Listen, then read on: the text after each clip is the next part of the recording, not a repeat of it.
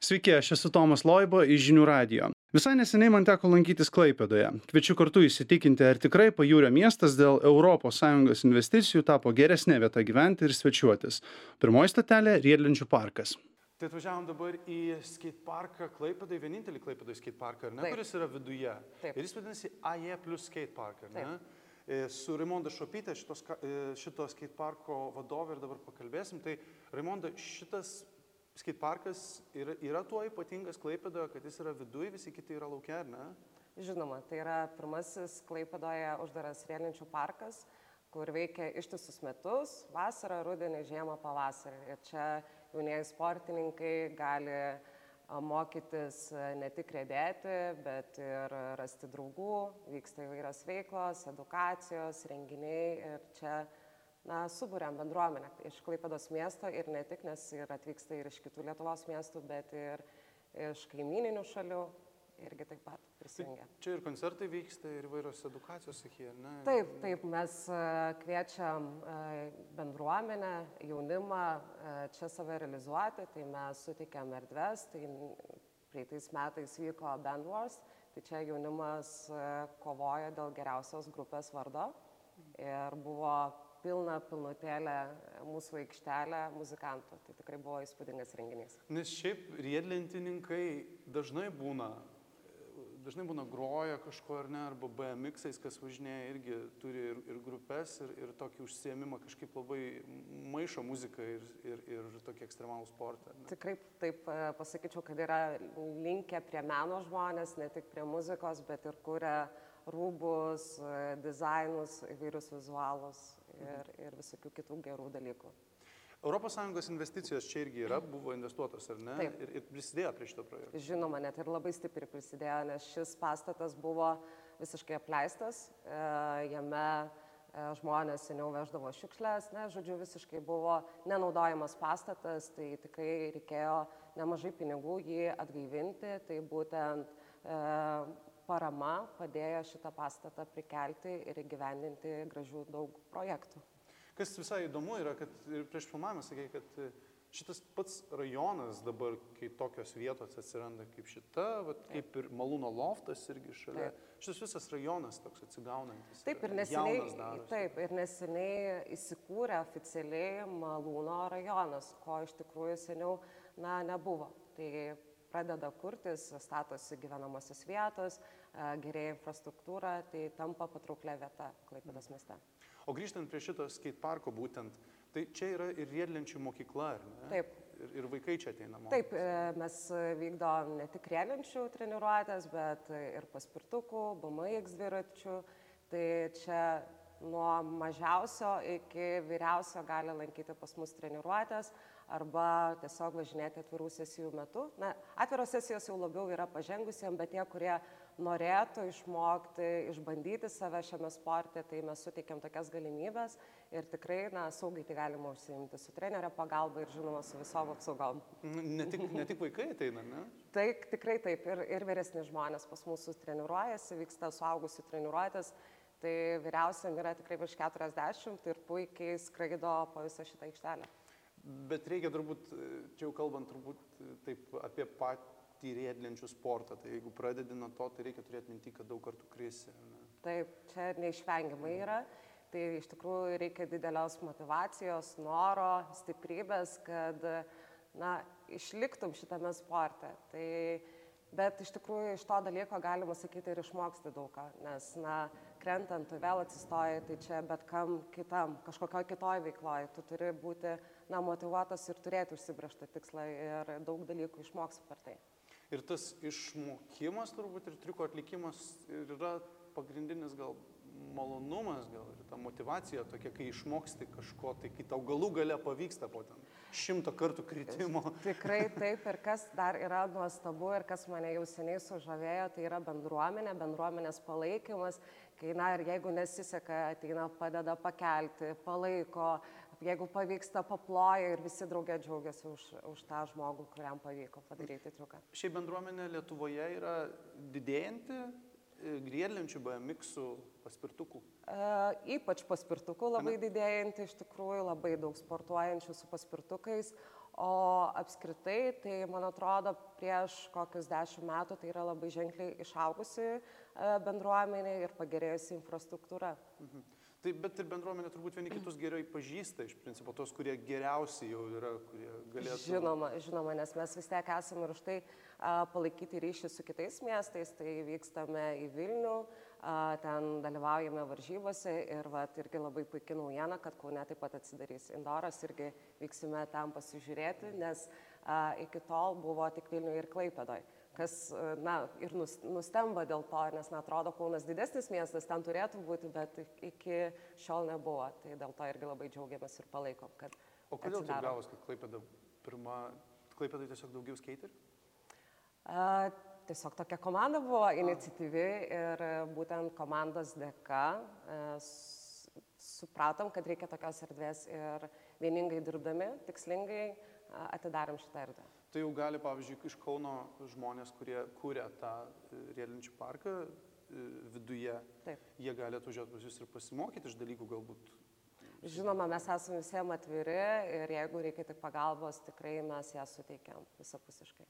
Nes aš taip įsivaizduoju, kad e, vat, suprojektuoti visą tai, ką mes dabar matom, jau reikia mhm. įsivaizduoti, kažkokį įsivaizdavimą turėti, ko reikia ir ko nereikia, kad nebūtų per daug taip. ir tiktų ir vaikams, ir suaugusiems. Ir čia nėra taip paprasta. Tikrai nėra paprasta ir šitą visą e, kūrybą parko e, įgyvendinimą įsijungia ne tik mūsų komanda, bet apskritai mūsų visa bendruomenė, visi sportininkai, kurie prisidėjo savai, braižė brėžinius, kaip turėtų atrodyti, kad tiktų visiems. Nes vis tiek buvo fokusas labiau atidaryti parką, kuris tiktų e, daugiau pradedantiesiam, bet taip pat tiktų ir pažengusiems sportininkam. Nes mūsų vis tiek fokusas yra, kad išbandytų tie, kurie nebandė ir atrastų save būtent šitame sporte. Nes šitas sportas visapusiškai yra naudingas ne tik fiziškai, bet ir psichologiškai. Man asmeniškai tai yra na, savotiška meditacija, atsipalaidavimas. Tai dėl to tikrai yra, na, irgi naudinga. Kaip įdomu, atsipalaidavimas, kai tu iš tikrųjų tai turi būti susikaupęs.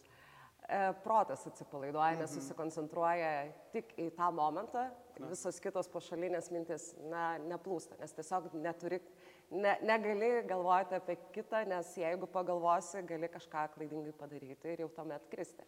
Mhm. Tai todėl būt, turi būtent būti susikoncentravęs. Daug šiaip lūžių esi turėjus?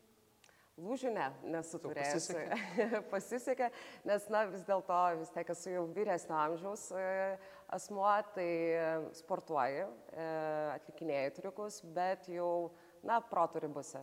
E, saugau ir savo sveikatą, bet ir, ir džiaugiuosi šito sporto teikiamu malonumu. O ko tėvai, pavyzdžiui, tikisi atvesdami savo vaikus čia?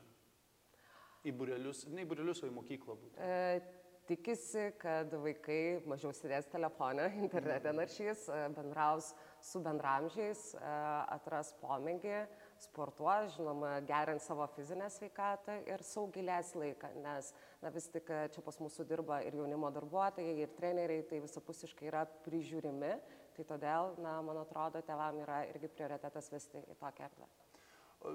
Šiaip riedlenčių sportas 2020 buvo įtrauktas į Tokijo olimpiadą, jau, ne kaip olimpinė sporto šaka ir Paryžių lygiai taip pat bus. Taip.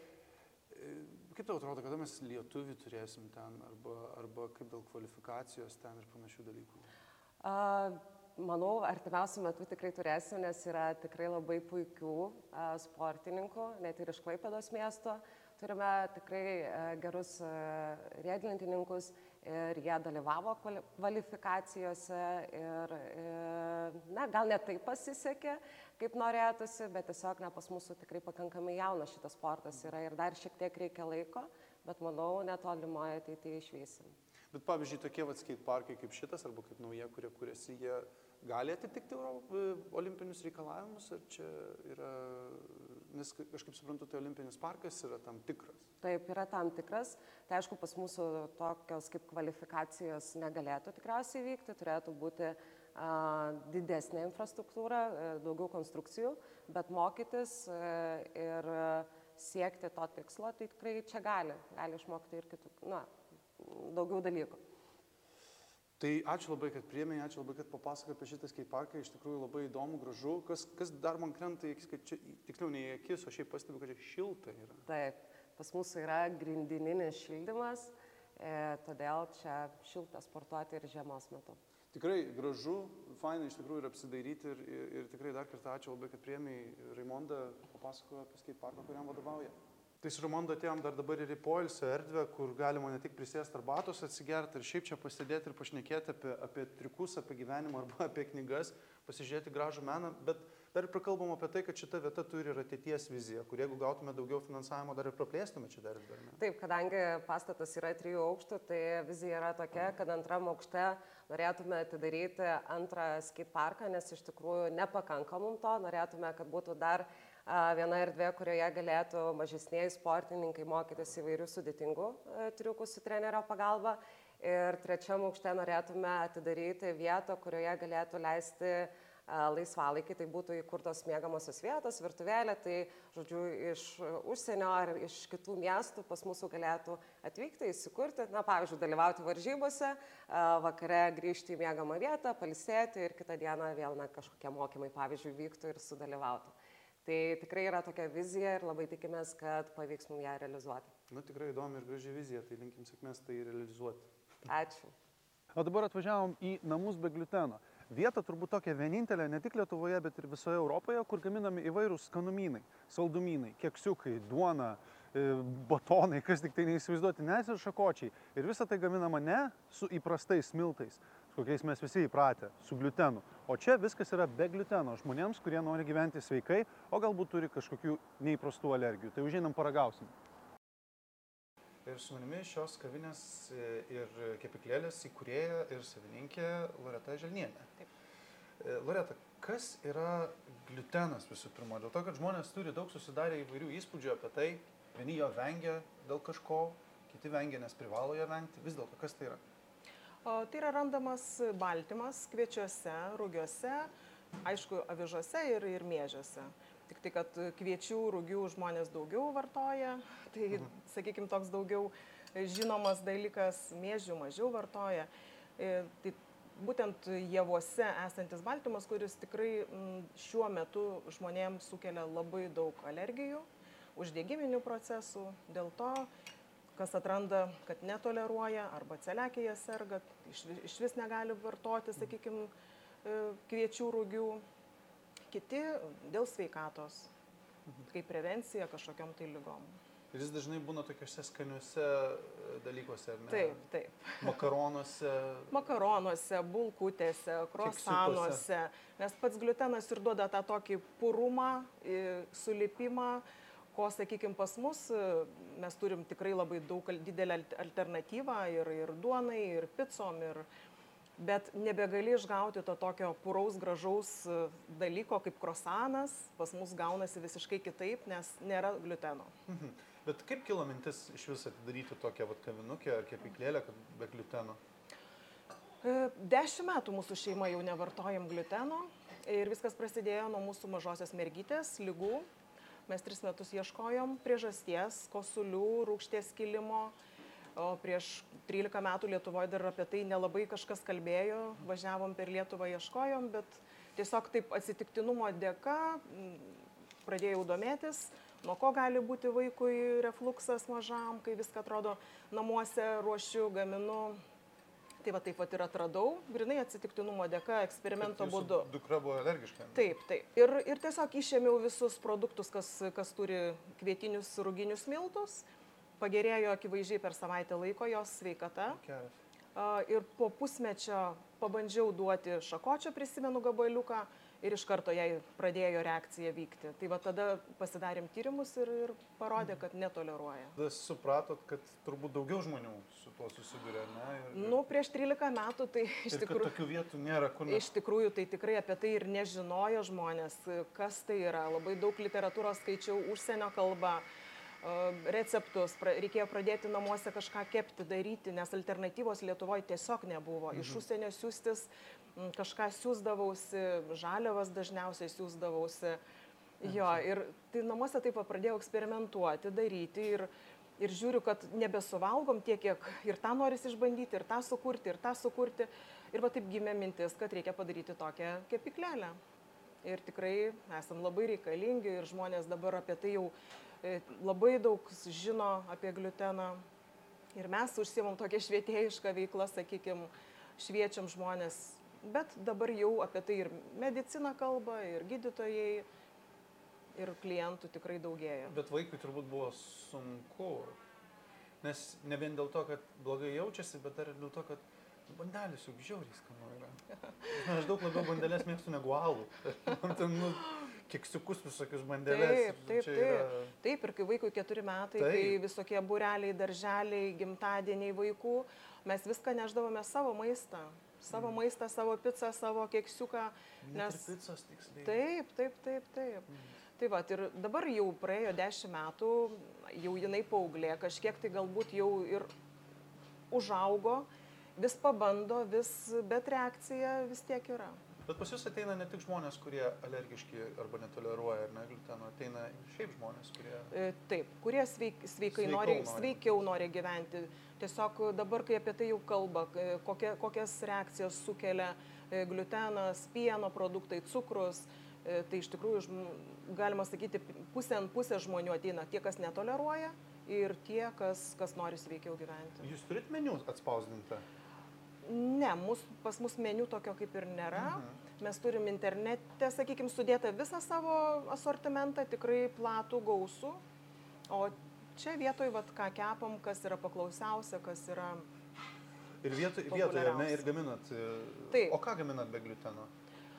Turime apie kokią 15-18 rūšių duonų, labai daug sausainių, tortui. Pavasarį pradėjom netgi čia vietoj kepti šakočius be gluteno, turim keturių skonių. Visą alternatyvą - picos, bagetės. Turbūt makaronų tik tai neserviruojat, nes nu, kavinukė... Ne, Kol kas ne. ne apie bet norėtumėte tai daryti. Taip, Ne? taip. E, Bet vis dėlto, kuo jūs pakeičiat gliuteną? Tada? Mes tiesiog naudoja, nenaudodami kvietinių ruginių miltų, mes naudojam kitus miltus. Du, pagrindas daug, dauguma eina riešutiniai miltai, kai kurie um, riešutiniai ir dar yra, sakykime, ten kaip ryžių, grykių tokie miltai visiems žinomi, kurie neturi gluteno. Tai mes tiesiog nenaudodami kvietinių miltų turim kitą alternatyvą ir kur kas maistingesnė ir vertingesnė ir sveikatai palankesnė. Čia aš dabar atsidariau iš tikrųjų jūsų meniu, tai keksiukai su žalia citrina, morkų keksiukai, keksiukai su cukinija, kas skamba įdomiai. Šiaip špinatų keksiukai, pavyzdžiui, net ir su glutenu, tarkim, paragaut būtų. Šiaip špinatų keksiukai nieko panašaus ne, nebuvau girdėjęs. Daug sausainių turit, šokoladinių migdolų, juodų sezamų sausainiai, keto kubeliai, kas irgi yra įdomu duona, linų semenų duona, bolivinių balandų duona. E, Bet vis dėlto čia turbūt e, tie, tie riešutiniai miltai, tarkim, arba kažkokios alternatyvos, jos ir skonį šiek tiek kitokį padaro, ne? Šiek tiek, šiek tiek. Ir žmonės, kurie, kurie va, sužino diagnozę, kad negali vartoti gluteno, e, ateina su baime ir, ir tikrai sako, mes vatragaujam ir nėra skanu. Bet palaipsniui skonio receptoriai atsigauna, atsigamina ir, ir tikrai pamėgsta ir su malonumu valgo. Ir tuo labiau, kad mes kiekvieną dieną labai daug siuntinių siunčiam per visą Lietuvą. Ar žmonės gali internetu nusipirkti, Taip, ar ne? taip, taip. taip. Ir žmonės iš visos Lietuvos perka. taip. Kas populiariausia jūsų yra, kokia populiariausia, sakykime, o taip jeigu e, parašą padėt, tarkim. Mhm. Tai duonos yra labai populiarios, šiuo metu šokočiai ypatingai irgi. Šakočiai. Taip, nes e, vis tiek tai yra emocija, tai yra prisiminimai, kai norisi valgyti, sakykime, kad ir šiek tiek kitokios konsistencijos, kitokio skonio, bet kad tai primintų vis tiek šakoti ar duoną, nes norisi, kad, kad emocija tai išliktų žmogui. Tik tai, kad pakeiti vietoj kviečių kitokią duoną valgai. Bet duona, tai tu su ja gali bet ką daryti, sumuštinius. Taip, e, taip. Kepti ją netgi galų galę. Taip, taip, taip. Dar kartelį Taip, apkepti. ne? Taip. E, Jeigu taip įsivaizdavimai, tarkim, praplėsti savo e, veiklos sritį, e, kaip, kaip įsivaizduotume dar?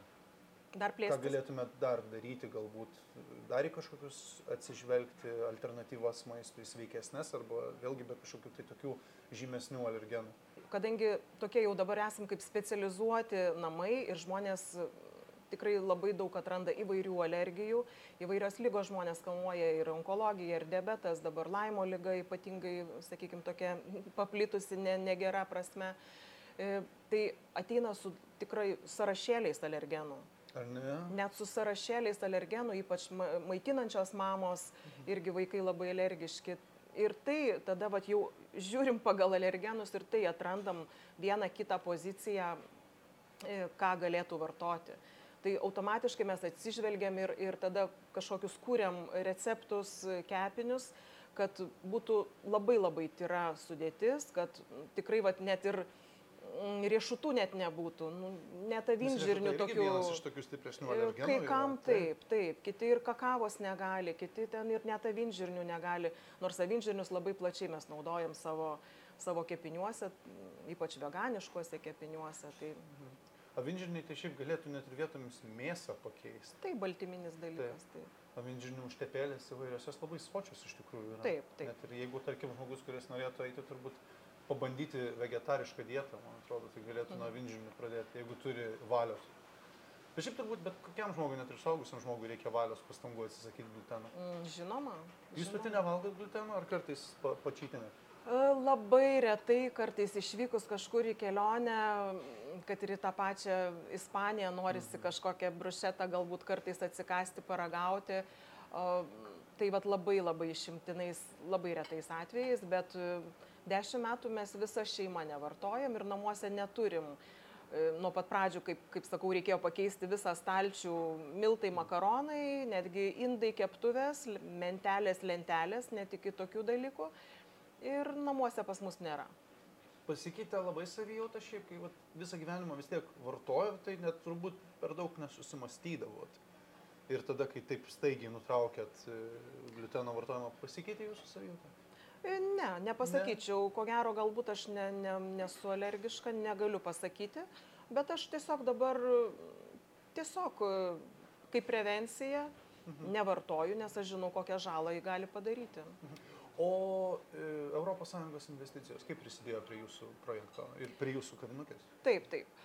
Atsidarant reikėjo daryti ir remontus, ir ypatingai ir, ir žaliavas. Nu, tokia visa pradžia, viską nususipirkti, sakykime, nuo nulio. Ir, ir truputėlį pritruko lėšų įrangai įsigyti. Tai vad teko kreiptis į medicinos banką, kurie kaip tik turėjo projektą su Invega, kurie, kurie e, finansavo palūkanas. Tai vat mes, mes pasėmėm dalį e, įrangai įsigyti mm, finansinę, sakykime, dalį ir pagal projektą penkių metų palūkanas mums kompensavo. Tai padėjo turbūt. Žinoma, žinoma, atsidarant e, kiekvienas euras yra labai reikalingas ir, ir kai norisi dar ir kažką plėstis, ir įrangą, ir, ir tobulinti, tai, tai tikrai taip. O jūsų virtuvė skiriasi nuo kažkokių kitų kavinukių virtuvės, ar jinai yra daugmaž tokia pati kaip ir visur? Jis yra ta, tokia pat, tokia pat kaip visų kepyklų įranga.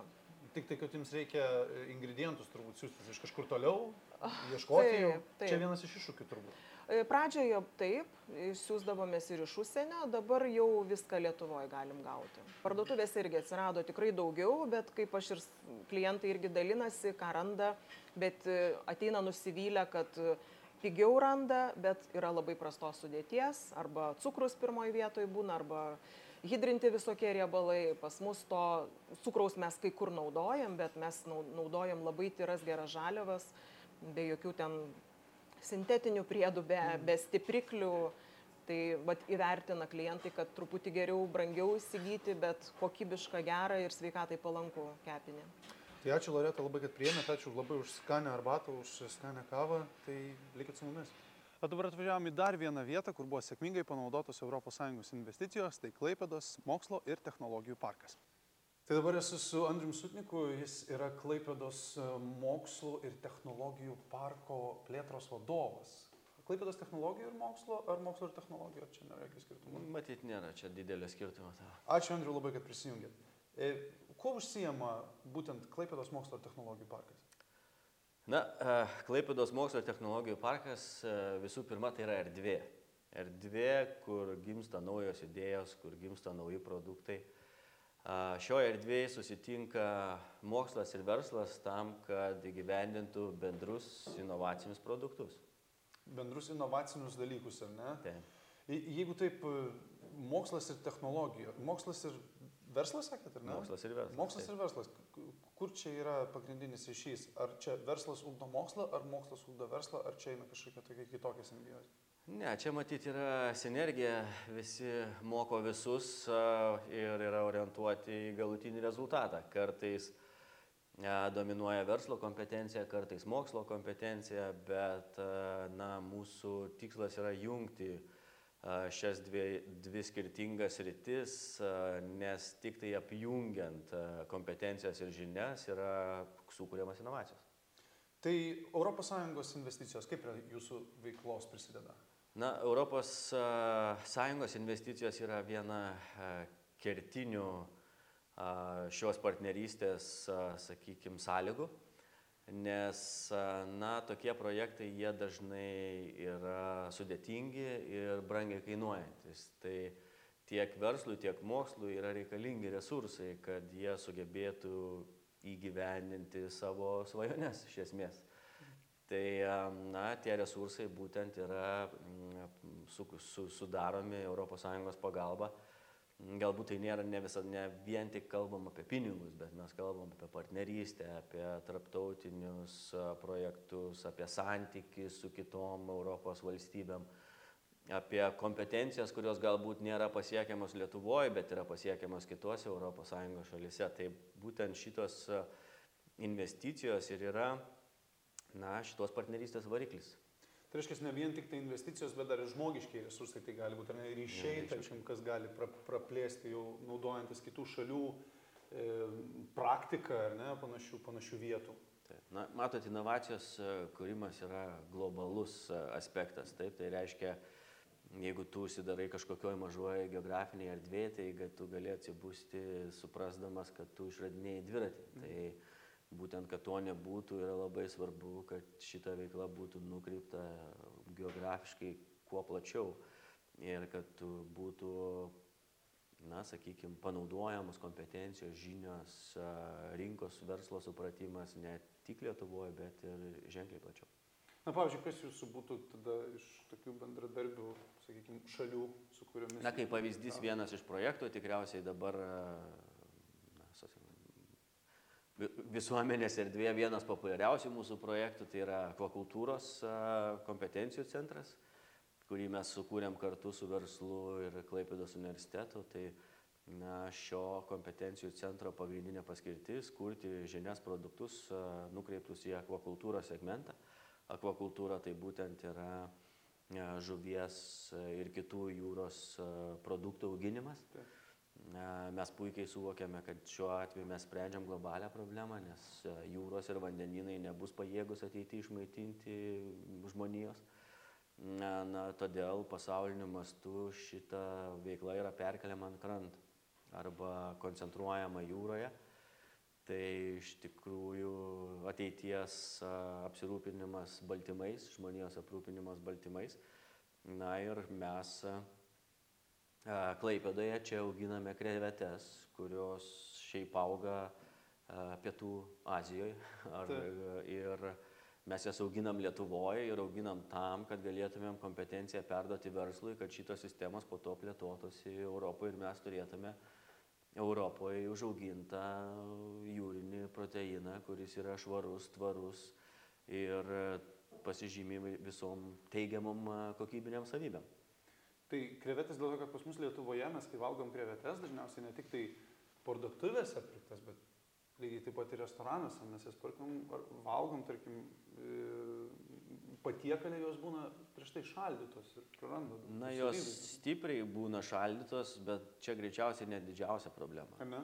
Problema, kurią mes sprendžiam, spre, įgyvendiname akvakultūros projektus technologinė prasme yra žymiai platesnė. Tai visų pirma, mes turim suprasti, kad Azijoje ar kitose valstybėse, kur šios krevetės yra auginamos, lygiai taip pat jos yra auginamos, jau tai nėra laukinės e, žvejybos pasiekmė. Yra kasami didžiuliai prūdai, kurie yra kasami mangrovijos miško sąskaita. Tai reiškia, mes naikiname natūralią aplinką tam, kad galėtumėm vykdyti na, kultivavimą šito proteino. Ir iš tikrųjų šitų mangrovių naikinimas tai visų pirma yra didžiulė ekologinė katastrofa, antra tai labai kenkia biosferai, biofaunai, nes tai yra būtent mangrovijų šaknis, yra tos vietos, kur veisėsi didžioji dalis e, žuvų, įvairiausių tipų žuvų. Tai mes sprendžiam žymiai platesnę problemą, aplinkosauginę problemą. Na ir aišku, kita problema tai būtent ateities maistas.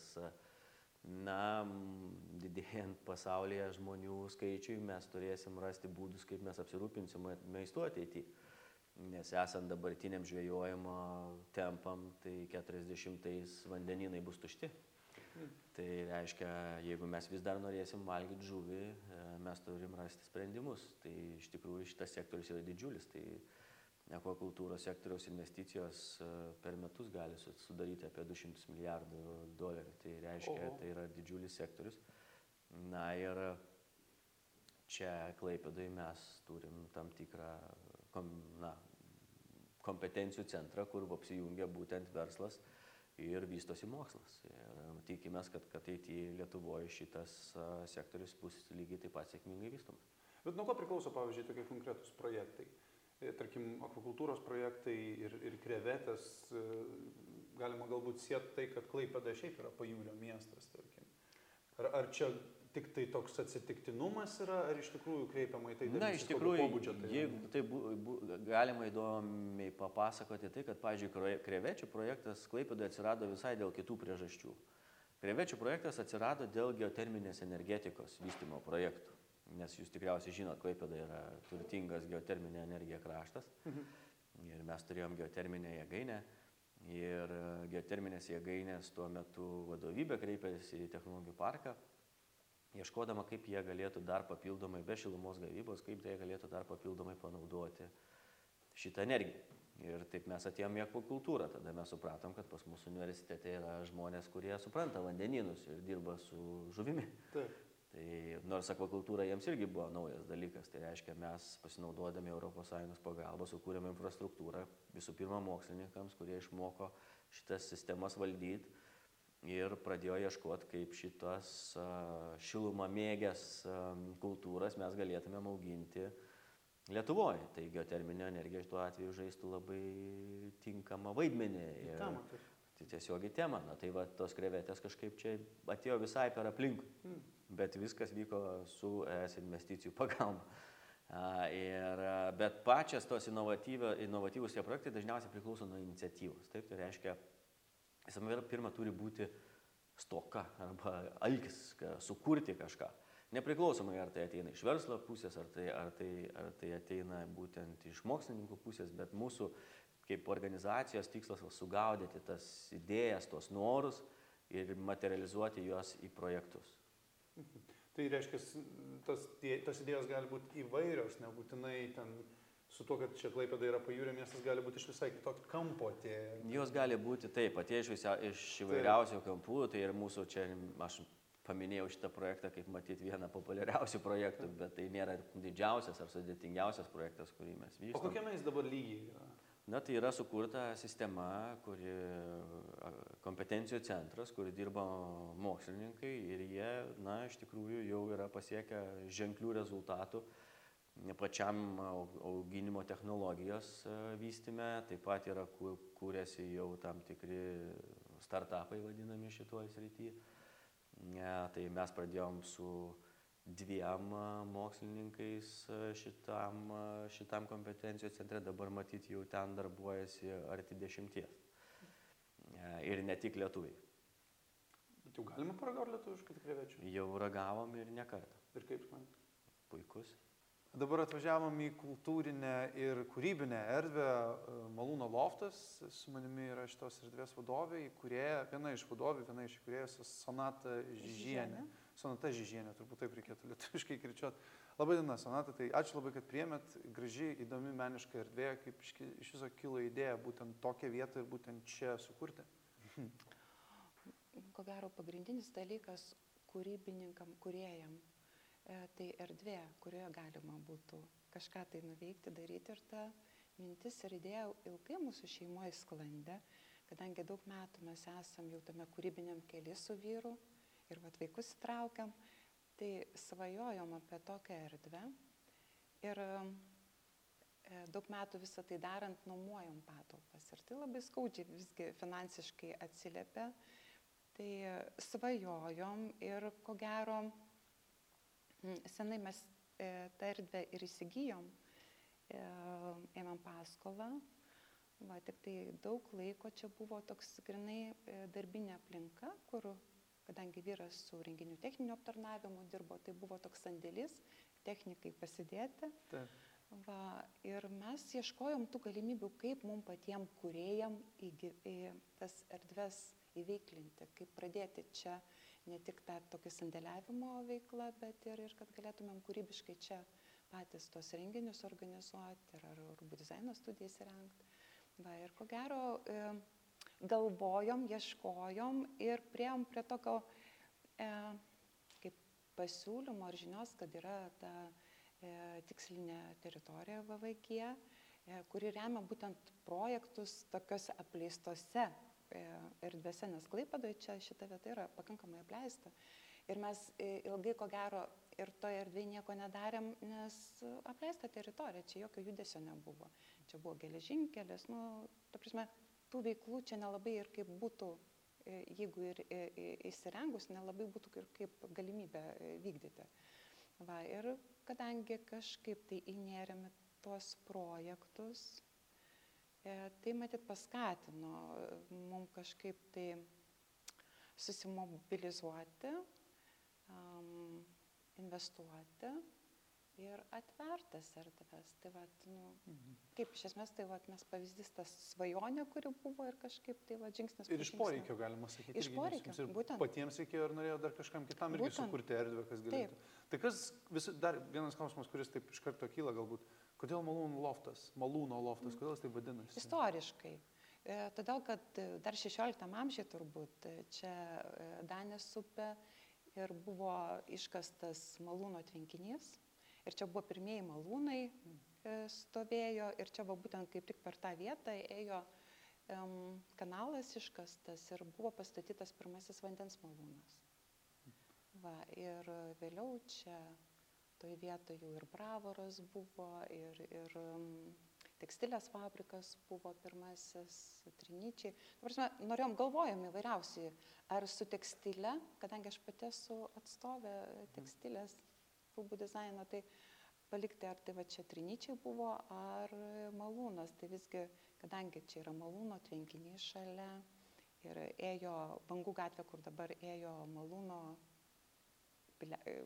irgi su malūnu, žodžiu, susiję. Tai viskas kažkaip tai viskas, sufleravo, kad taip, čia liktų malūnas. Taip, o malūnas apskritai mums tas energijos toks šaltinis, jis besisukantis, kuris tarsi skatina judėjimą į priekį ir, ir besikeičiančios dabar tos visos mhm. energijos tokios. Tai kaip prieš tai įžengėte šitą erdvę, tai čia buvo viskas apleista iš principo, ar ne? Taip, taip, taip. taip. Ir, ir buvo... tada patys naudojot sandėliavimui? Taip.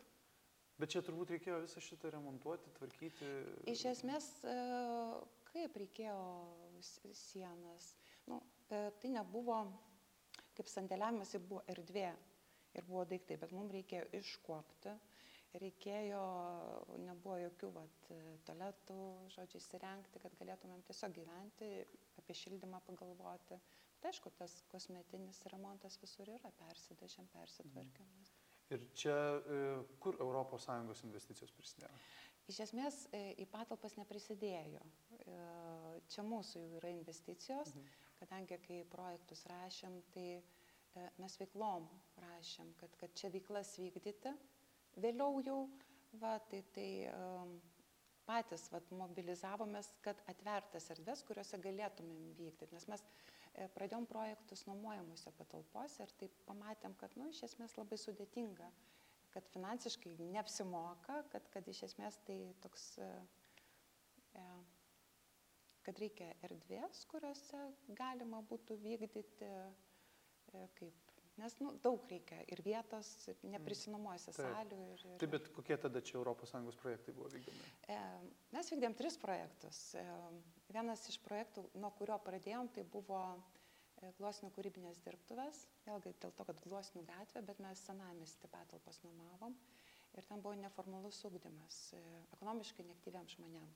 Tai kadangi mes su vyru esam iš tos renginių, e, organizavimo srities vyras, aš ir kaip režisierė, arba daugiau esu drabužių dizainerė.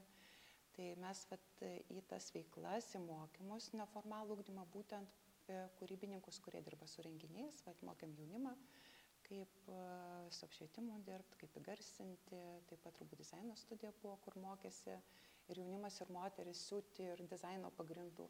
Tai vat, pradėjom nuo e, to neformalaus ūkdymo o vėliau rašėm projektus ir taip gavosi, kad um, COVID buvo ir buvo pertraukėlė. Ir mes tada labai vat, mobilizavom, susitvarkim čia šitas patalpas mhm. va, ir jau naujus projektus pradėjom vykdyti čia. O kokie tai nauji projektai? O nauji projektai buvo su verslumu, verslumo skatinimo projektai. O. Ir va, būtent tai ta veikla, kurią mes užsiemėm. Ir čia galėjo jauni žmonės praktiškai, e, kurie pirmus žingsnius į verslą eina, galėjo e, čia išsibandyti save ir pajusti, ką, ką reiškia tas vat, um, verslumas. Nes dažniausiai vis tiek tie dalykai yra daugiau kaip hobis, sakykime. Kažkas fotografuoja, kažkas rankdarbės užsijama, bet jie praktiškai nelabai žino, kaip įgyvendinti ir kaip daryti. Tai va čia jie turėjo galimybę, buvo daug paskaitų e, ir verslumo, ir mm, e, marketingo, kaip save viešinti, kaip pristatyti. Ir jie turėjo galimybę čia mm, susikurtą savo produktą, atsispausti kažkokius dalykus, nusifilmuoti, nusifotografuoti turėjom lektorių, kurie iš savo patirties, va iš užsienio mūsų bendradarbiai ar žmonės, su kuriais mes daug metų bendradarbiaujam, tai va ir Louis Fonteinas iš Danas iš Latvijos, kuris turi savo e, viešbučių ir kavinių tinklą, e, būtų modelis, kuris e, Margarita Švekštaitė, kuri dirba Paryžiuje ir turi vat, kitokią patirtį, kaip su fotografais dirb darbas. Mm. Julija Janus, kaip su kostiumais. Nu, ta prasme, E, kas buvo Gedrius Drukteinis, kuris ten komunikacija, žodžiu. Tai savo sričių profesionalai taip, aiškino, kaip iš tikrųjų pragyventi iš savo meno, turbūt, nes menininkai daugiausiai. Taip, ir kaip, kaip save. Didžiausia, ko gero, problema, kad e, tas jaunas verslas, verslas ir būtent menininkai nelabai moka save pristatyti. Jie daugiau darbais dirba, bet jie nemoka parduoti. Ir va čia vat ir sudarėm tą galimybę, kad jie išsibandytų ir kad gautų kuo daugiau žinių, kaip tą marketingą, kaip jie išjudinti, kaip nebijoti pristatyti. Nes žmonėm, ne tik jaunam žmogui, bet, sakykime, menininkui iš vis dažnai atrodo, gali būti sudėtinga visi tie dalykai. Jam įdomiausia yra tiesiog užsimti Taip. savo amatu ir tuo savo turbūt pašaukimu. Ir kai jau atsiranda kažkokia komercija, kažkoks marketingas, tai ten gali žmogus net ir pasiklysti tarp įvairių licenzijų, įvairių reikalingų dalykų, nereikalingų dalykų. Ir čia tas turbūt kaip šiaip jaunimas tai priemė ir kaip jiems tai buvo į naudą? E, mes, kadangi turėjom įvairių amžiaus e, žmonių, taip, tai tikrai matom, kad jaunimas jis yra e, paslankesnis, jis nebijo. Ta prasme, juos gali į kelią nukreipti ir tikrai jie dabar sėkmingai pakankamai vysto tuos visus dalykus. Mes labai džiaugiamės, kad E, čia susibūrė dvi grupės, kurios koncertuoja, kurios jau vat, ir Latvijai šią vasarą e, pristatė savo kūrybą. E, taip pat įrašų studija gyva yra ir, ir vyksta. Ši vieta labai pritraukia daug e, su muzika dirbančio jaunimo klaipėdoje. Muzikuot, jam va, tikrai yra puikia galimybė renginiam. O fotografija puikiai. Bet e, ta paskata tokia e, nukreipimas jaunam žmogui yra truputį lengviau. E, jau tas kuriejas, kuris kaip hobis arba kaip menas labai bijo dažnai iš vis žodžio verslas. Ir atrodo, bet mes su savo pavyzdžiu, kadangi mes kuriejai, mes irgi norime. Bijo? bijo kodėl? Žodis. Savim, gal, ne, ne, ne, vien žodis yra? verslas, mokesčiai A, yra baime, kad mhm. man reikės kažką, tai čia aš bijau suklysti, aš bijau, kad mane čia tikrins. Nu, va tas toks yra, toksai, kad baisu ir... ir Kiti ne, ne, ne, ne. viskas, ar ne? Taip, taip, taip. taip, taip kažkas sunku save peržengti. Taip, ir, ir atrodo, tarsi ir stengiasi aiškinti, kad, nu, kad ir tu vis tiek tą darai, Ir yra žmonių, kur tikrai tą daro ir, ir, nu, kaip, ir parduoda tuos dalykus. Bet e, jau, nu kaip sakai, kad jau tai yra santykis, jau tai yra verslas. Jeigu tu gamini pardavimui arba tu nori parduoti, tai jau yra verslas. Ir Taip. nieko čia baisaus išsimta individualią veiklą. Ir tiesiog, nu, bet vat yra kažkokie tie barjerai, kur, kur ko gero ir buvo ta tokia sunkiausia, kaip motivuoti, kaip įkvėpti, kaip... Kad reikia tos dalykus Taip, daryti. taip, kad reikia tas daryti. Bet e, malūno loftai čia bent jau šitoje erdvėje, kur mes dabar esame, tai čia gali drąsiai ir tie patys koncertai vykti. Ir, ir vyksta. ar ne? Taip, ir vyksta. Taip, iš tiesų mes ko gero ir labai džiaugiamės, kad sukrito taip, kad mes tas, e, tos projektus parašėm ir kas, kad mes būtent save patys privertėm e, tą erdvę visą įsirenkti. Nežinot, kai kol nėra tokio spyrio, tai, nu, gal kažkada nu, nėra pakankamai lėšų, gal darbų kitų yra. kitų okei, darbų, ir- ir taip, taip, užtenka ir vietos ten Taip. kažkur. Tai, tai va, čia mūsų labai tikrai tas spyris toks buvo ir labai džiaugiamės, kad e, mūsų va, jaunelės sunus turi čia puikiausią galimybę ir apskritai jaunimui, kas yra gerai, kad mes tą kryptį nurodėm ir jie išsibandė. Nes kitą kartą atrodo, aš noriu būti dizainerė, pabando ir sako, ne, čia ne man. Arba aš noriu būti muzikantu ir vėlgi jis gali, e, įsirašo, paklauso. Prasme, čia ir daug permastai tinka, netinka, išsibandai. Va Tas praktinis toks yra labai nauda visiems. Ateity, kaip suprantu, taip pat įsivaizduojat ne vieną ir ne du projektus, kuriuos norėtumėt vykdyti, ar ne? Kartu... Ir dabar, ko gero, e, yra, man pačiai kaip kuriejai tokia, norėčiau pertrauką pati kūrybiškai truputį jo e, sukurt kolekciją ir kažką tai e, savo padaryti, nes tas admini- administravimas bet kokiu atveju jis vargina ir jis toksai, nu, kai esi Tai, kuriejas, tai yra truputį- priežastis, dėl ko žmonės susikūrė tos barjerus, turbūt. Ko gero, ko gero, jo. Bet iš kitos pusės tai, nu, kaip tos erdvės yra mm, kūrybai atviros. Taip. Ar mūsų, ar kitų, ar bendradarbiavimui, o kūrybinis verslas apskritai nu, nėra toksai uždaras. Jie bet kokiu atveju komunikuoja, dizaineris su modeliais, su fotografais, su, su nu, ta prasme, tai viskas labai persipina. Mhm. Kaip ir renginiai, muzika, galbūt baras, galbūt šokėjai. Čia vat, irgi labai graži tokia iniciatyva dabar e, atsirado Lindy Hopo šokėjų, kuriems sutikėm galimybę repetuoti. Tai va toks judesys organiškai įvyko, jo, ir, ir labai džiaugiamės, kad, nu, kaip tas sniego kniuštino mažumo, toks jau viniojasi, viniojasi. Ir... Tai linkim, kad jinai kuo didesnė išsiviniotų. Ačiū labai, Sonata, kad priėmėt. Ačiū.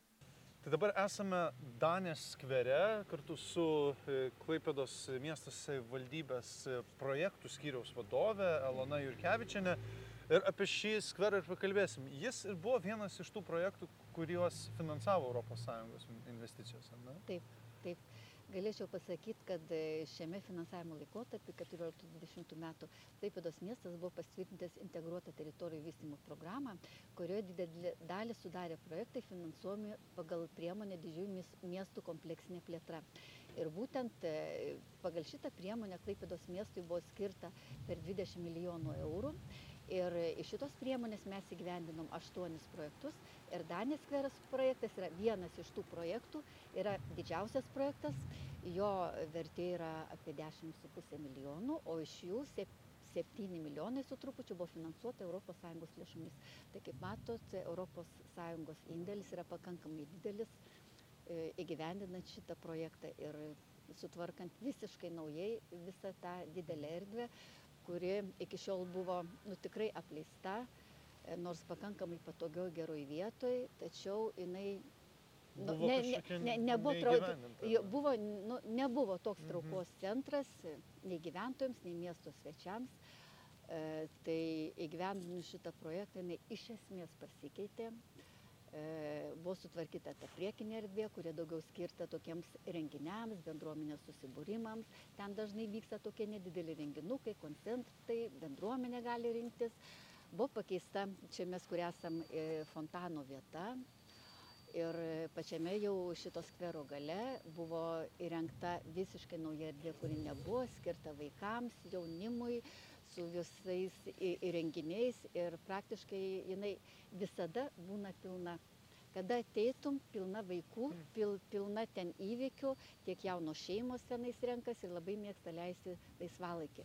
Taip pat įgyveninant šitą projektą buvo pamastyta, kad tai gali čia atsirasti ir verslui tam tikrų taškų tai buvo e, įrengta e, infrastruktūra, elektra, vanduo privedimai, o toliau buvo paskelbus konkursas, atsirado verslas, kuris ten buvo įrengta kavinukė, kur irgi prie žaidimų aikštelės yra, tai vaikai žaidžia, tėvai gali mėgautis kava. Taip pat kažte naujo buvo padarytas, reiškia, krantinės sutvarkytos buvo ir palei Danę buvo sutvarkytas gražus pasivaikščimo takas, taip pat galim pasakyt kad tas e, projektas buvo susijęs ir su lietuvos šimtmečiu tai e, čia pasivaikščiojimo e, vietoje kur yra kitas pasivaikščiojimo takas yra šimtmečio patys svarbiausi faktai Klaipėdos miestui nuo 18 metų iki 2018 metų. Mm. Tai va, tai čia gal tokie pagrindiniai akcentai, taip pat žinoma atsirado ir nemažai mažosios architektūros elementų, augalų buvo pasodinta naujų, gėlynai sutvarkyti, krūmai. E, buvo stengtas išsaugoti ir esamus augalus, nes tai, žinoma, labai jautri vieta ir čia kaip e, tas e, žalioji dalis irgi labai svarbi miestui ir būtent miesto centre, kad tą žalėją dalį būtų galima įsaugoti ir, ir toliau puoselėti. Tai Jūs turbūt kalbant jau ne vien tik tai apie šitą skarą, bet galbūt bendrai apie Klaipadą. Jūs įsivaizduojat, kaip galėtų Klaipėda atrodyti be ES investicijų?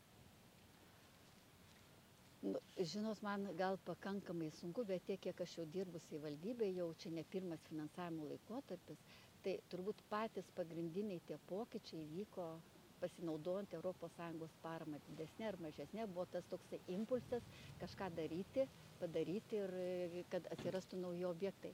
Jeigu dar, kaip aš minėjau, apie tą, reiškia, priemonį didžiųjų miestų kompleksinė plėtra, apie aštuonis projektus, kurie buvo, tai pačios vienos iš pagrindinių tų viešųjų erdvių buvo sutvarkytos būtent per šį laikotarpį pasinaudojant ES paramą. Tai tikrai atsirado tiek Jono kalnelis buvo sutvarkytas, E, tiek, e, reiškia, kvartalas, kuris tarp Turgaus seno ir Akropolio ten buvo toksai chruščiovinių namų, toksai e, kvartalas, teritorija, tai kiemai buvo sutvarkyti, buvo sutvarkyta viešų erdvių, taip pat buvo sutvarkyta mūsų prisidedant ten buvusi futbolo mokykla, baseinas, ten e, atsirado ir atviros erdvės jaunimui, tai pakankamai daug objektų per šitą laikotarpį atsirado būtent pasinaudojant šitą priemonę. Kaip ir sakom, kai mes susitvarkė tos erdvės, aplinkui pradėjo, reiškia, kurtis ir verslas. Tai buvo toksai postumis, sinergija, kad ne tik erdvės susitvarko, bet aplinkui irgi